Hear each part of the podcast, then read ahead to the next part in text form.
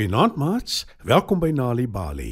Vanaand se storie, Behandel ander met respek, is geskryf deur Zahida Wahab. Skyf nader en spits julle oortjies. Lank gelede, op 'n klein ver afgeleë dorpie, was daar 'n jong seun wat bedag sy gesin se skape oppas. Sy naam is Teuns. Hy, soos die res van sy gesin, is arm maar hy's 'n gelukkige seun en hy's baie lief vir sy oupa en ouma. Hulle het hom grootgemaak vandat hy 'n baie klein seentjie was en hy sal enige iets vir hulle doen. Teuns is altyd fliks en helpvaardig teenoor sy bure en almal hou van die seun. Hy help hulle ook graag met taakies en inkope. Op 'n dag, nadat hy vir hulle buurvrou mevrou Smit gaan brood koop het by hulle klein dorpswinkeltjie, sê sy: Ag, dankie teens.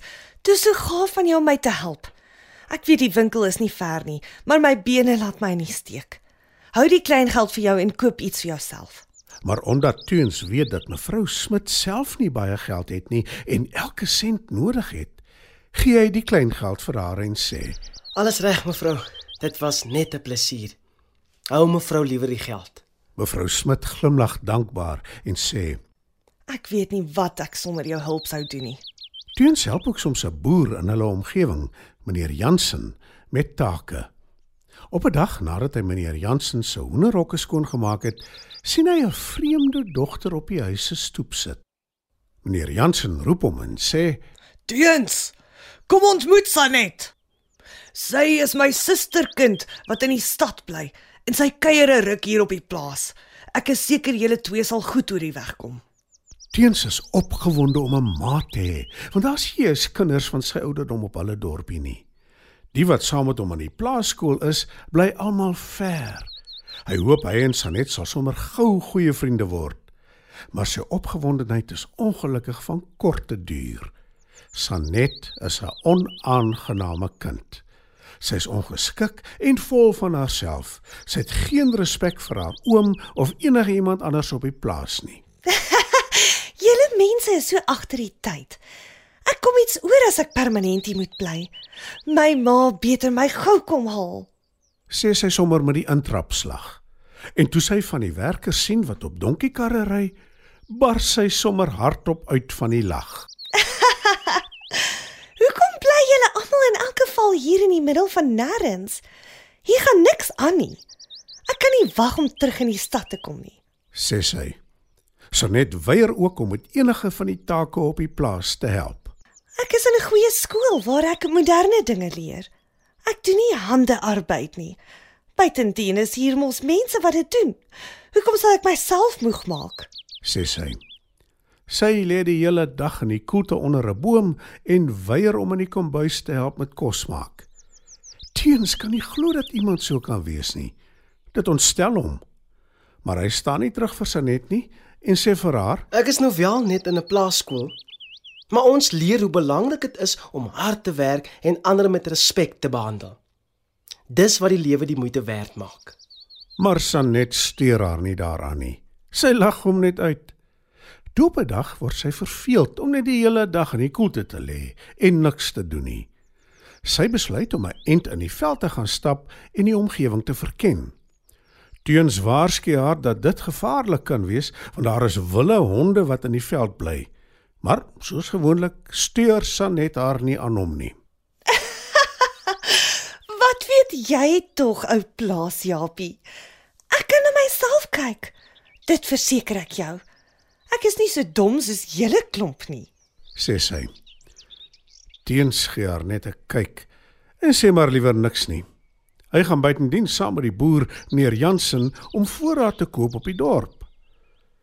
Toe hulle terugkom en teens besig is om die voorraad uit die boer se bakkie te laai en in die stoor te pak, kom een van die werkers uit asem na hom toe gehardloop en vertel hom dat Sanet al die hele dag weg is en dat almal al begin bekommerd raak oor haar. Teens dink 'n oomblik.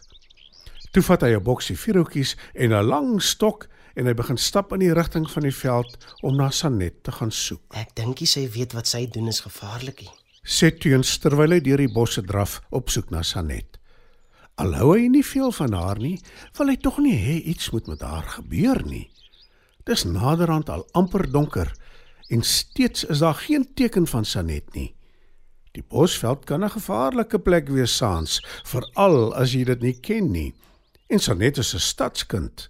Wat weet sy van die veld af? Teun soek en soek na haar. Hy wil liewer nie roep nie, want dit mag dalk wilde diere lok. Na 'n hele ruk, toe hy al moedeloos gesoek is, skrik hy om boeglam toe hy skielik 'n harde gil hoor. Hy hardloop vinnig in die rigting van waar hy iemand oorgil het. Dit kan net Sanet wees, dink hy, en toe sien hy dit. 'n Wille hond wat vir Sanet grom en blaf. Teens kan sien sy's baie bang en sy weet nie wat om te doen nie. Sanet loop voetjie vir voetjie, treukie vir treukie agteruit terwyl sy die hele tyd bang na die hond kyk. Die dier wys sy lang slagtande en maak reg om haar te bespring. Teens moet nou vinnig dink. Hy steek 'n vuurhoutjie aan en steek die stok wat hy saam met hom gebring het aan die brand. Die hond sien dit en dit lyk asof dit hom nie afskrik nie. Maar na ruk blaas hy tog die aftog. Die dier draai om en draf weg. Sanet kyk bewend van vrees, maar baie verlig hoe die hond wegdraf. Sy loop sukkel sukkel na teens toe en sê na aan trane: Ek het my voet geswik toe ek probeer weghardloop het van die nare hond af. Ek kan skaars loop. Toe maar. Ek sal jou help. Ek is net bly jy's veilig. Antwoord teens. My probeer waarsku. Is jy nie kwaad nie? Vra Sanet terwyl teens haar teruglei na die plaashuis toe. Teens glimlag en skud sy kop. En gedurende die volgende paar dae kom hy agter dat Sanet anders begin optree. Sy is nie meer beter weterig en ongeskik met almal op die plaas nie. Haar oom kom ook agter dat sy skielik meer respek het vir die mense en hy bedank teens vir sy aandeel. Sanet is so dankbaar dat hy haar lewe gered het dat sy haar selfoon vir hom wil gee. Maar hy skud net sy kop en sê: Nee, wat, dankie. Ek het dit nie nodig nie. En hy hou aan om die donkiekar mooi skoon te was. Vanaand se Nali Bali storie, behandel ander met respek, is geskryf deur Zahida Wahab. Die storie is aangebied deur die Nali Bali leesvergenotveld in samewerking met SABC Education. Dit was nogal moeilik om die kinders besig te hou terwyl jy by die winkels was vandag. So waar. Nou weet jy ook hoe dit voel. Maar jy moes vir hulle 'n storie gelees het. Ek hoor Nali Bali het allerlei wenke en gidse hoe om leespret te maak vir kinders. En is alles gratis beskikbaar.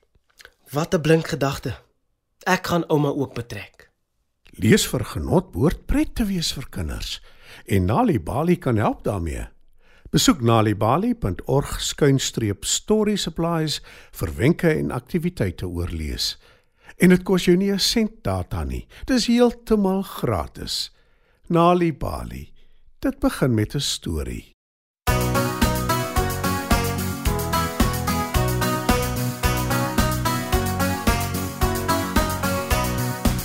Boekies lees, boekies lees, is mos groot vet pret. Op die mat, in die bad, snusig in die bed.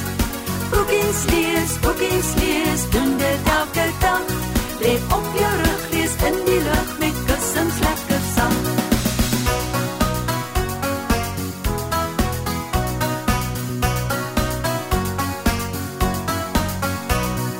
Boeke help jou slim te wees, so lees dit